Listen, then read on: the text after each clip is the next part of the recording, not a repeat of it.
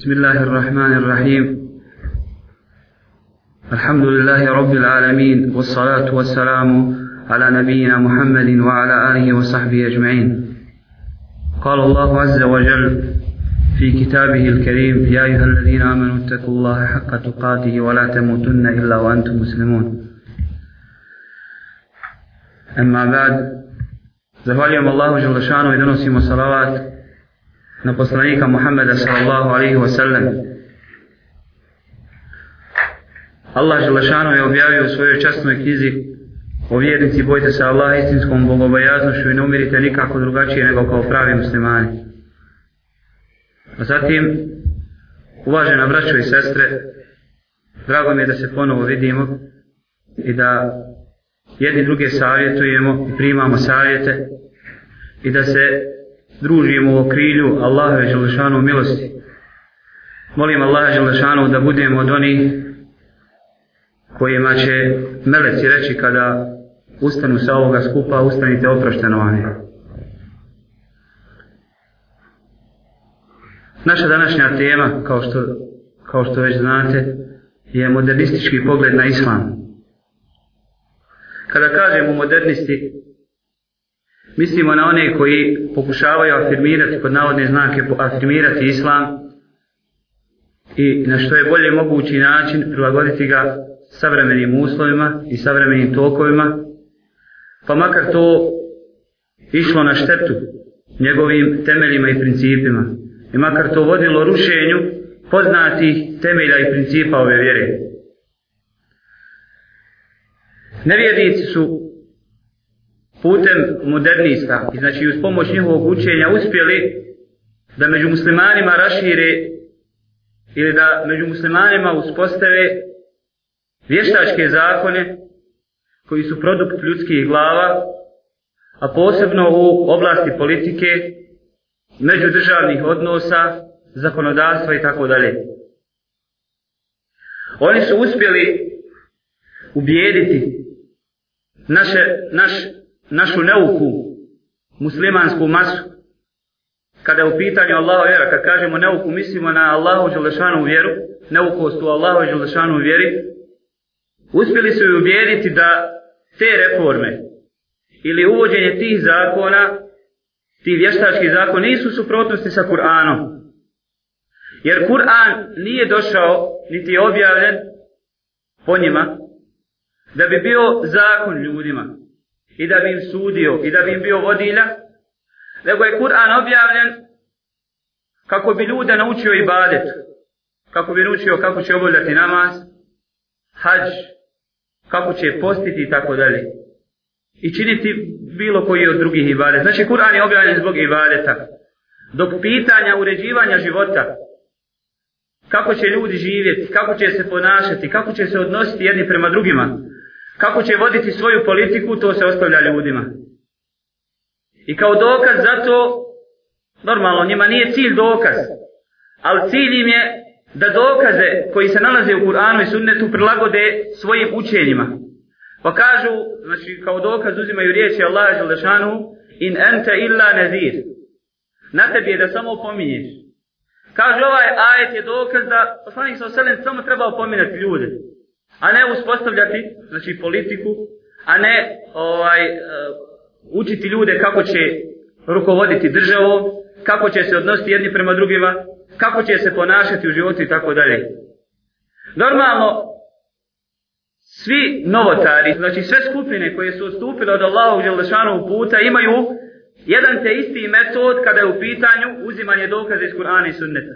Uzmu jedan dio dokaza ili jedan dokaz ili dokaz koji uopšte ne ide u prilog njima, niti ukazuje na ono što su oni htjeli reći, a ostale dokaze ostave.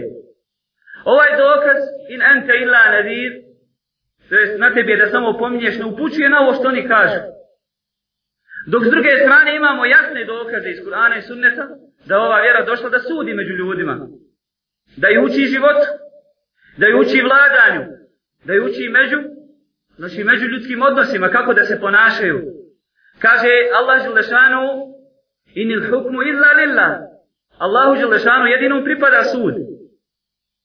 Zatim u jasnijem ajetu, kaže Allah Želešanu, fela o rabbike la yu'minuna hatta i hakimu ke fima šeđara bejnemu. Kako mi tvoga gospodara, oni neće biti vjernici, sve dok za sudi u međusobnim sporovima tebe ne prihvate. Tu me lajžu harđen, fi enfusi mimma kadajte. I ne znači, ne osjete u svojim prsima ni malo nelagode, zbog onoga što si im presudio, voju selimu teslima, i dok se potpuno ne predaju. Šta je sa ovim ajetima? I s mnogim drugim ajetima, znači u kojima Allah Želešanu o sebi govori kao apsolutnom sudi, kao onome koji ima pravo uspostavljati zakone među ljudima, koji ima pravo učiti vladanju i odnosu, znači međusobnim odnosima. Nažalost, ova ideja je našla plodno tlo i na našim prostorima. Tako da iz usta naših intelektualaca, čak i uleme, možemo čuti riječi poput Zapad je iznašao rješenja kako, kako da upravlja državom, kako da formira život u današnjim uslovima, demokratija je dobar, dobar put i tako dalje. Znači uopšte ne pokušavaju ljudima govoriti o tome da Islam ima rješenja za sva pitanja.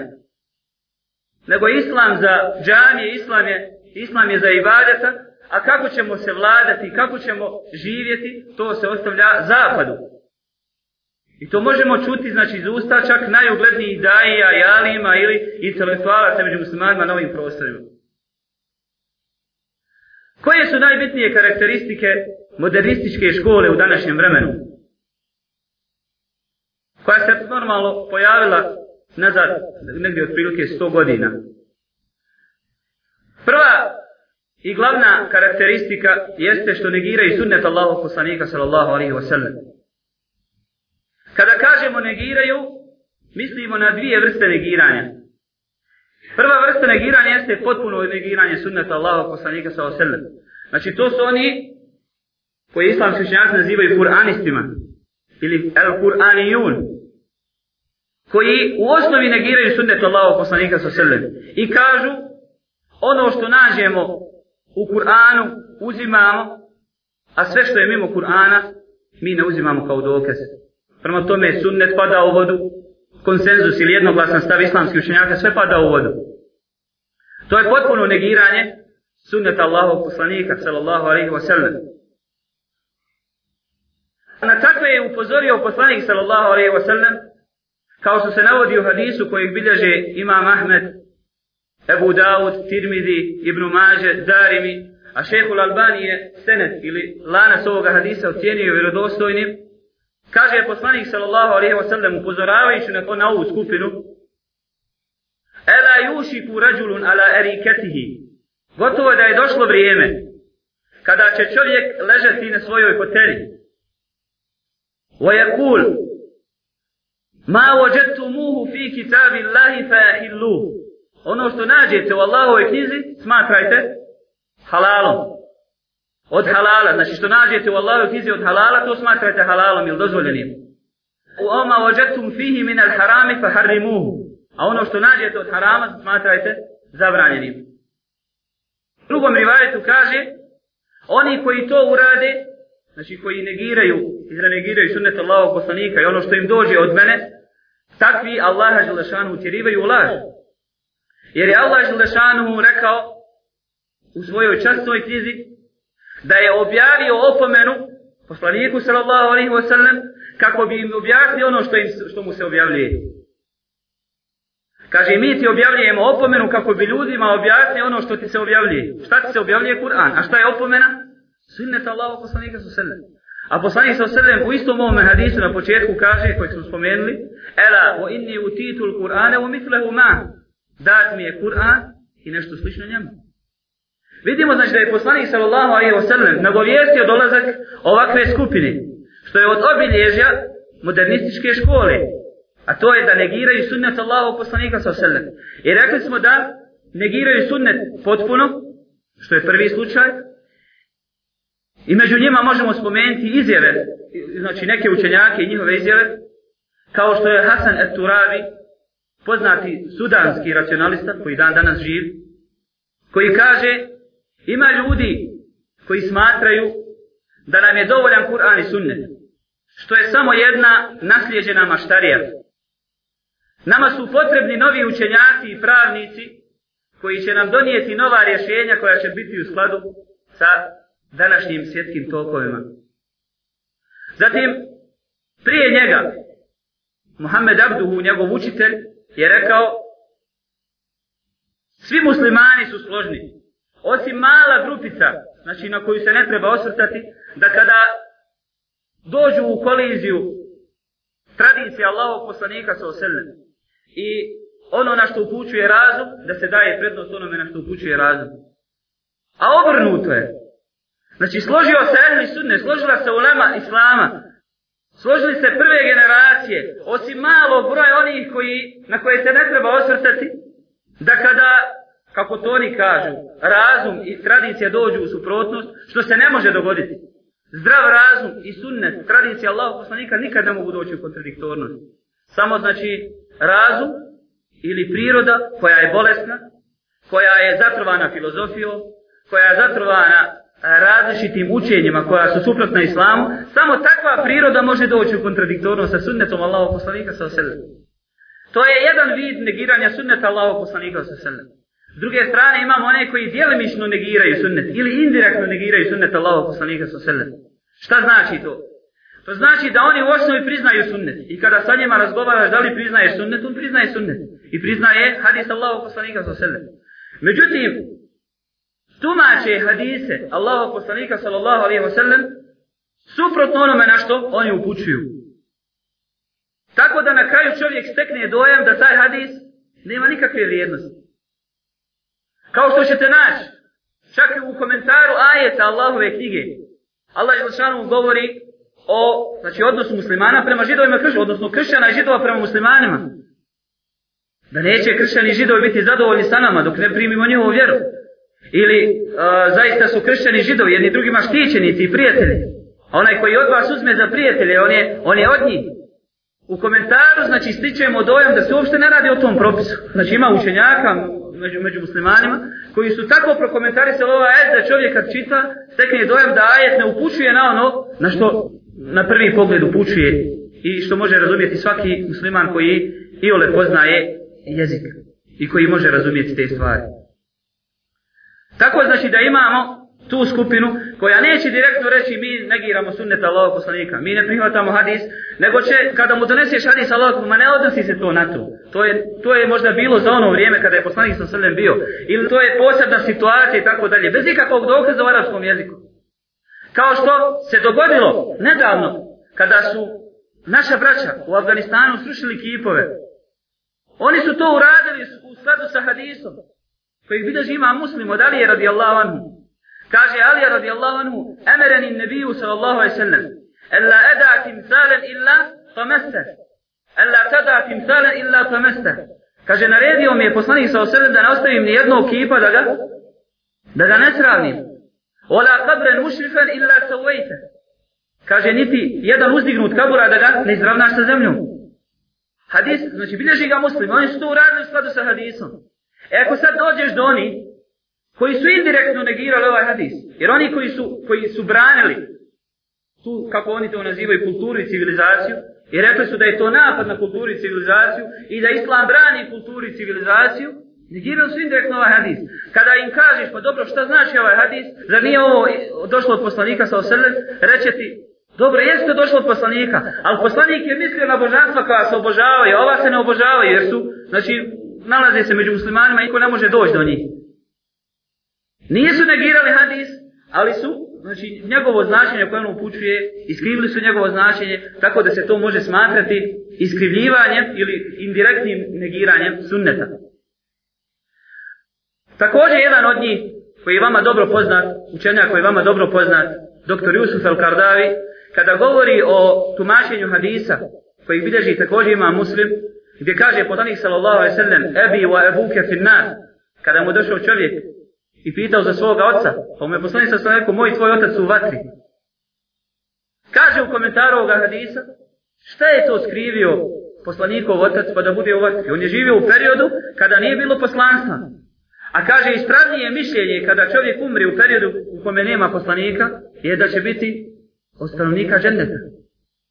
Hadis koji je jasan, koji jasno upućuje poslanik nije dvosmisleno ovdje govorio. Rekao je moj i tvoj otac u vatri. Ali pogledajte, neće reći, ovakvi slični neće reći, mi ovaj hadis ne prihvatamo. Jer oni znaju da kada negiraju hadis da, da mogu izaći iz vjere. Međutim, indirektno negiraju ono na što hadis upućuje. To je, znači, prva karakteristika modernističke škole, a to je da negiraju sunnet Allahog poslanika sa oselem. S time da smo napravili razliku između direktnog i indirektnog negiranja. Direktno negiranje jeste da se u osnovi negira sunnet Allahog poslanika sa oselem, što rade Kur'anijun, znači Kur'anisti koji ne prihvataju nikako sunnet Allahog poslanika, mada i u njihovim knjigama ćete naći kontradiktornosti koliko god hoćete. Na početku knjige kaže spominje sunnet Allahog poslanika. Poslije toga kaže da sunnet nije dokaz. Poslije toga ponovo spominje hadis Allahog poslanika kao dokaz za nešto. I tako dalje. Kod sami njih nešto znači jasan, jasan program koji im. Druga karakteristika jeste atak na islamsko pravo. Nakon što su znači završili obračun sa sunnetom Allahog poslanika sallallahu alaihi wa sallam i napornu borbu pod navodne znake, počeli su atakovati na islamsko pravo pozivajući ili pod parolom obnavljanja islama ili obnavljanja islamskog prava ili otvaranja vrata i štihada. Svi ovi izrazi u osnovi nisu loši, ali loše je ono što se njima podrazumijeva. A to je, kako oni to smatraju, obnavljanje islamskog prava u osnovi. Kažu da islamsko pravo koje je nekada prevladavalo među muslimanima i koje je ustanovljeno u prvim generacijama ne odgovara današnjim uslovima.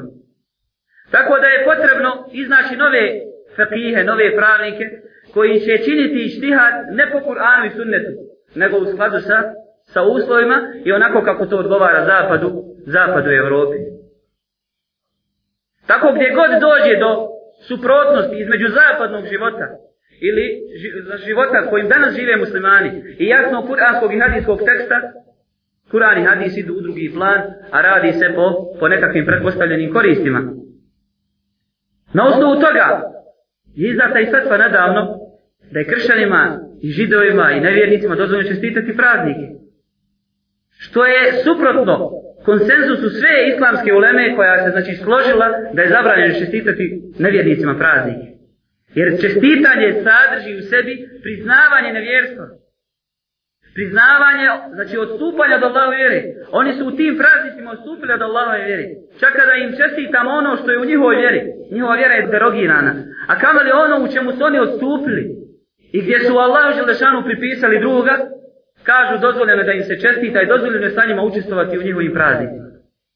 A šta je to do jasno odstupanja od Kur'ana i Sunneta putem nekakvog novog ištihada, i ovaj donošenja rješenja koja odgovaraju zapadu i po zapadnjenim muslimanima.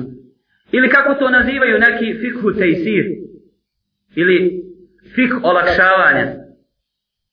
Na taj način se olakšava muslimanima koji su i tako znači ostavili vjeru i treba im još više olakšati. Muslimani su potpuno ostavili vjeru, odbili je od sebe i sad im još treba olakšati, znači kuda dalje? Kuda dalje nakon, nakon ovoga stanja u kome muslimani žive? Prema tome, Oni su atakovali na islamsko pravo i žele da revidiraju i da poprave neke propise koji se nalazi u islamskom pravu. Prije svega to su sljedeći propisi. Znači kada se radi o kaznenom pravu. Neki od njih potpuno negiraju kazne koje je šerijat propisao i kažu da je to brutalnost, da je to divljaštvo i da kada bi se one u današnjem vremenu sprovodile, to bi stvarno bio vandalizam. Kada bi se osjecale ruke, kada bi se čovjek kamenovo i tako dalje.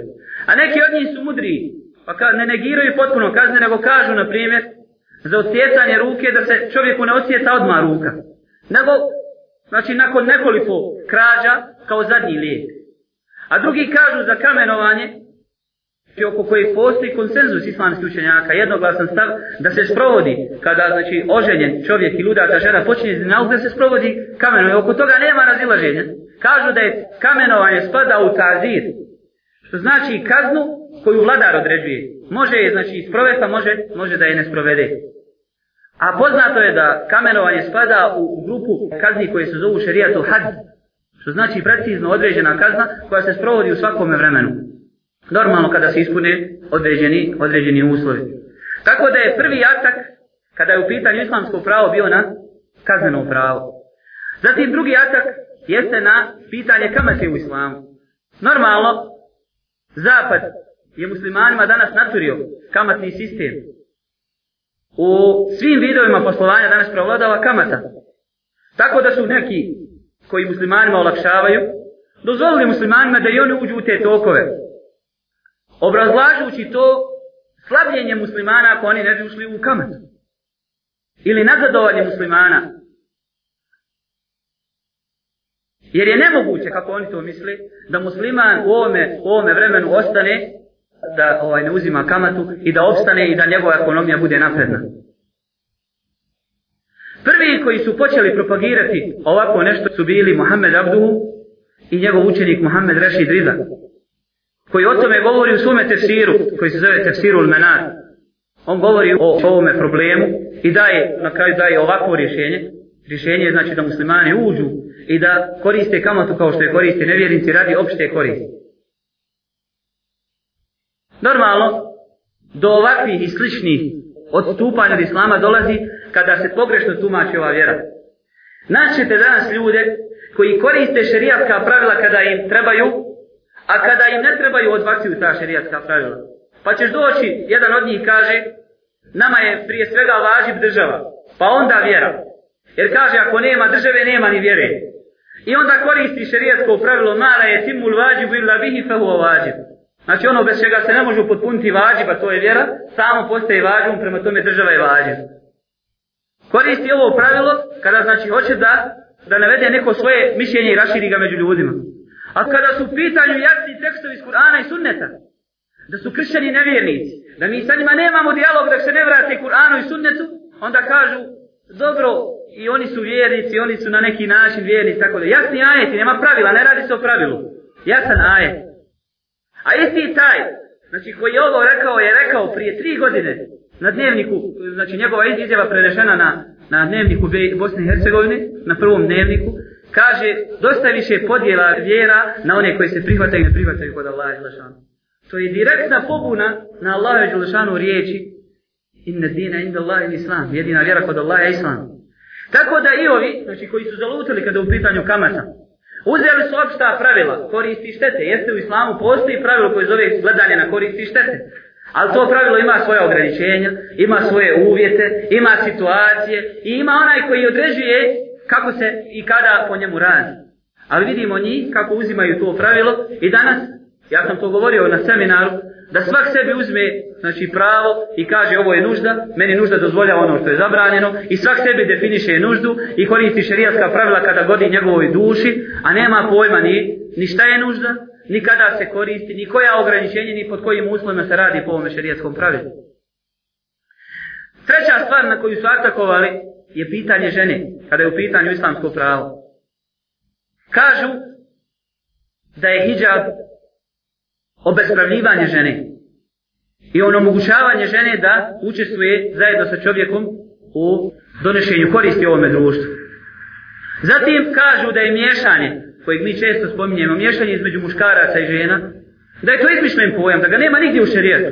Odakle vam da, da je šerijet zabranio miješanje između muškaraca i žena? Taj pojam ste izmislili. To oni kažu. Znači, nemojte razumijeti da ja ovo, znači prenosim njihove riječi. Zatim, čovjek i žena, muškarac i žena moraju biti ravnopravni. Odakle vam to da se pravi razlika među njima? A šta je sa kuranskim ajetima, hadijskim tekstovima koji pravi razliku između čovjeka i žene? I čak, znači, moraju dobiti jednako pravo kad je pitanje upravljanje. Pa žena mora doći na vlast.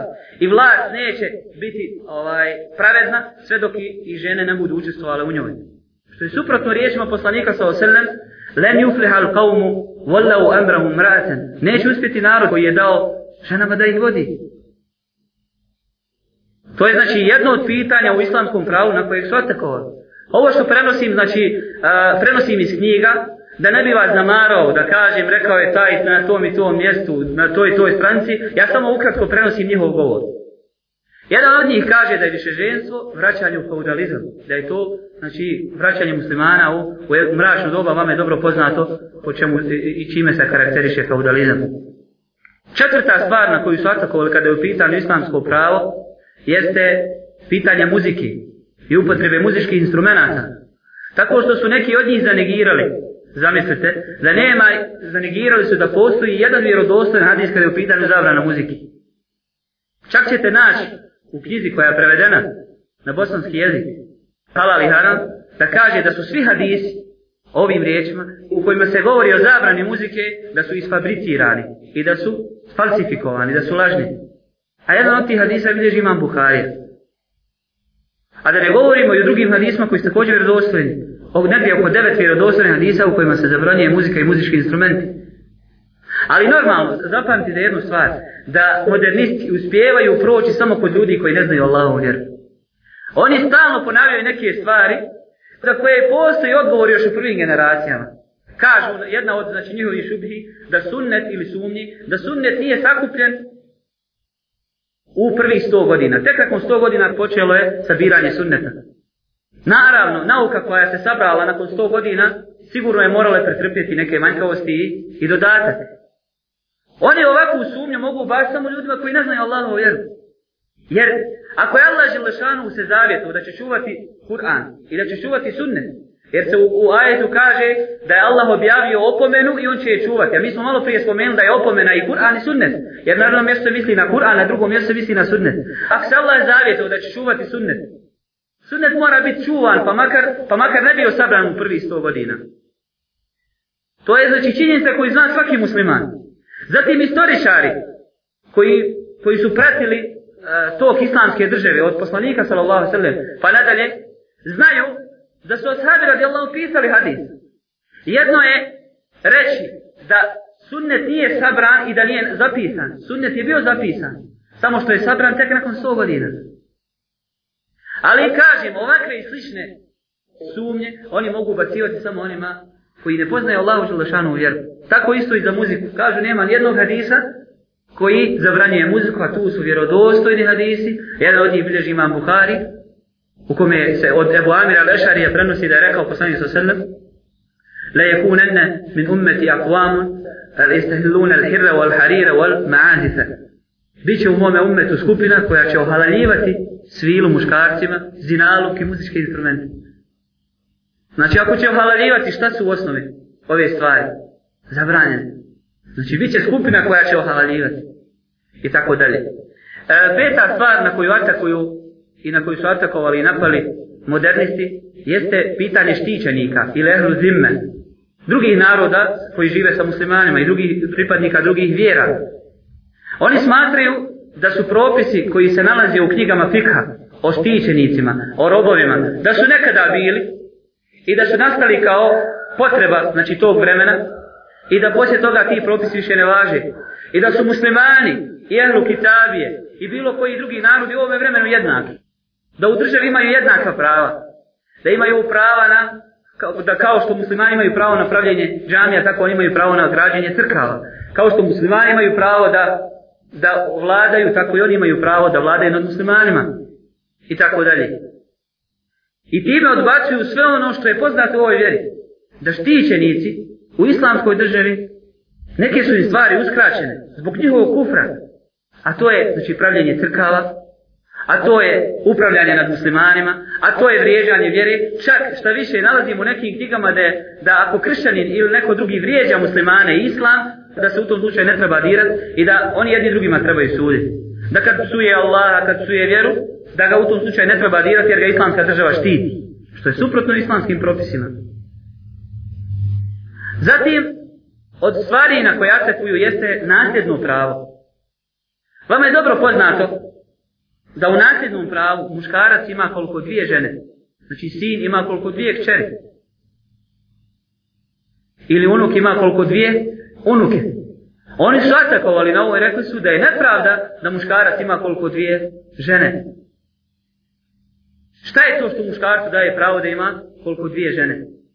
Šta mislite šta je to što čovjeku daje pravo? Čovjek je taj koji se brine o porodici, čovjek je taj koji skrbi, koji radi, a žena je ta o kojoj se drugi brinu. I ona čitav svoj život može da živi ko kraljica kada bi se, kada bi se živilo po islamskim propisima. Ili se o njoj brine muž, ili se o njoj brine njen otac, ili se o njoj brine njen brat ili amiđa. Uglavnom, ona uvijek se ono, o njoj neko brine.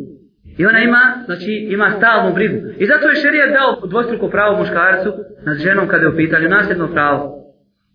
Mi vidimo da je kod nas ovdje isto u našem zakonu, kada je u pitanju nasljedno pravo, muškarcu se daje jednako kao i žene. Ono čime se čini velika nepravda muškarcu. I od stvari možemo znači da govorimo o drugim stvarima u kojima su modernisti atakovali na islamsko pravo. Spomenut ćemo zadnju, ona je da su atakovali na pitanje džihada. Kada govorimo o džihadu, treba znati da postoje dvije vrste džihada u islamu. To je džihad odbrane ili džihad ad difa i džihad napadanja ili džihad u. Džihad ad difa, znači kada se muslimani brane na nekom prostoru od nevjernika, kada je nevjernici napadnu. A džihad u jeste ili džihad napadanja, da islamski vladar svake godine je obavezan organizovati napad na neko od nevjerničkih država. I na taj način ne ubijeti ljude. Jer islamu nije cilj da ubija ljude, nego da ljudima dostaviti islam. Oni koji su danas stali kao most i koji su stali, znači kao prepreka širenju Allahove vjere, oni se moraju na neki način ukloniti. Ljudi danas ne mogu da dođu do istine samo zbog tih. I kada se oni ukloni islamu, nije cilj da dalje ljude ubija, nego da im se dostavi Allahova vjera. Ako nećete, onda normalno daju džiziju poniženo, a ta džizija se daje samo zato što islamska država štiti i zbog toga što ne učestvuju u ratu. I to, je, to su privilegije za njih. A oni kažu da u islamu postoji samo džihad odbrane. Da ne postoji džihad napadanja. I čak u sladu s time su preveli i kuranski ajet, ali vi ne odpočinite. Ali vi ne odpočinite boj. Kada kaže, borite se na Allahovom putu protiv onih koji se bore protiv vas, ali vi ne odpočinite.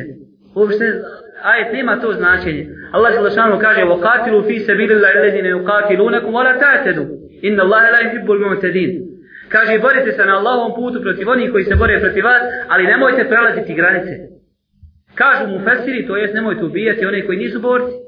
Nemojte ubijati svećenike, nemojte ubijati žene i djecu, radnika na livadi i tako dalje, e, ljude u samostanima. Ali kod nas je prevedeno u skladu sa tim. I nemojte odpočinjati. I musliman je i dan danas ubijeđen da on ne smije odpočeti borbu. Čak u vjerničkim krugovima. A poznato je, poznat je fikski propis da je šerijetski vladar obavezan svake godine slati, slati muslimane da se bore na Allahovom putu i da dio po dio zemlje oslobađaju i da šire Allahu želešanu vjeru. Jer je cilj džihada kao što je odbrana islama i kao što je zaštita muslimanske časti i zaštita bilo čije druge časti, da znači da je ljudi nepravedno ne, ne uzurpiraju, tako isto je cilj da se ljudima dostavi Allaha želešanu vjera. I treća karakteristika modernističkog pokreta ili pogleda na, na, na vjeru jeste iznalaženje savremenih metoda poziva Allahu vjeru. Sama riječ i sam pojam, znači nove metode i savremene metode nije pokuđen. I mi muslimani trebamo da iskoristimo sve što nam se pruža u, u, u današnjem vremenu od dozvoljenih sredstava da bi ljudi pozvali Allahu vjeru. Sve do čega su ljudi došli i može biti korisno za Allahu vjeru mi trebamo koristiti. Ali oni ne podrazumijevaju to, nego pod pojmom savremene metode podrazumijevaju metode koje koriste nevjernici u pozivanju svoje omladine u kršćanstvo. Jer kod kršćana cilj opravdava sredstvo. Ako će, znači, određeno sredstvo biti uzrokom da se njihova omladna vrati pod navodne znake pravom putu ili, ili vjeri, oni će u svrhu toga koristiti različita sredstva, pa makar ona bila zabranjena u njihovoj vjeri. Tako da, znači, modernisti koriste ovo pravilo, da cilj opravdava sredstvo, i koriste sve savremene metode koje su šerijatom zabranjene da bi pozivali ljude u islam. Kao što su muzički koncerti, na kojima zajedno učestvuju hafizi Kur'ana, zatim muslimanski horovi, djevojke i dječaci sa najvećim razvratnicima i drugirašima na svijetu. Nije vam daleko koncert koji se održao u Sarajevo ovdje, na kojem su učestvovali muslimanski mladići i djevojke, zajedno sa poznatim drugirašem, alkoholičarem, zabuđivačem YouTube, poznatom grupom. Ili koncept koji sada se održava po Bosni između Hafiza, Burhana Šabana i Halda Bešlića, na kojem je hiljade naših mladića i djevojaka, Allah zna šta rade na tim koncertima. Kažu mi na ovaj način pridobivamo omladinu, mi na ovaj način hoćemo da okupimo našom, kao što su i okupili, pogledaj kako kršćani, jer ne možemo danas nikako drugačije okupiti omlad nego na taj način. I mnoge druge stvari koje koriste, koje su šerijatom zabranjene, kako bi opravdali, kako bi opravdali ovaj taj poziv u, u Allahu Želešanu vjeru. Nažalost, među onima koji se nekad čvrsto držali Kur'ana i Sunneta na ovim prostorima i koji se odgajali u okrilju Kur'ana i Sunneta, nalazimo ljude koji su upali u sklopku modernista, u, u klopku modernista. Pa, znači, već su im dosadila predavanja koja, koja podučavaju Allahoj vjeri i to oni smatraju abstraktnim, treba nam sad nešto novo, trebamo se uklapati u savremene tokove, zašto mi nemamo ono što drugi imaju? Draga braćo i sestre, mi ne možemo naći alternativu za sve što je čakir, čakir danas dao onaj pružio ljudima od harama. Ono za što možemo naći alternativu, alhamdulillah, ono za što ne možemo, nemojmo ići pogrešnim i zabranjenim sredstvima da bismo ljude podučili Allahu i vjeri. Jer se na taj način nikada neće odgojiti generacija. Na taj način nikada neće imati jak umet ako pokušavamo zabranjenim sredstvima čovjeka dovesti na pravi put. Od takvog čovjeka nećeš imati nikad, znači neku jaku i veliku snagu na koju ćeš se moći osloniti u radu za Allahu Želešanu vjeru.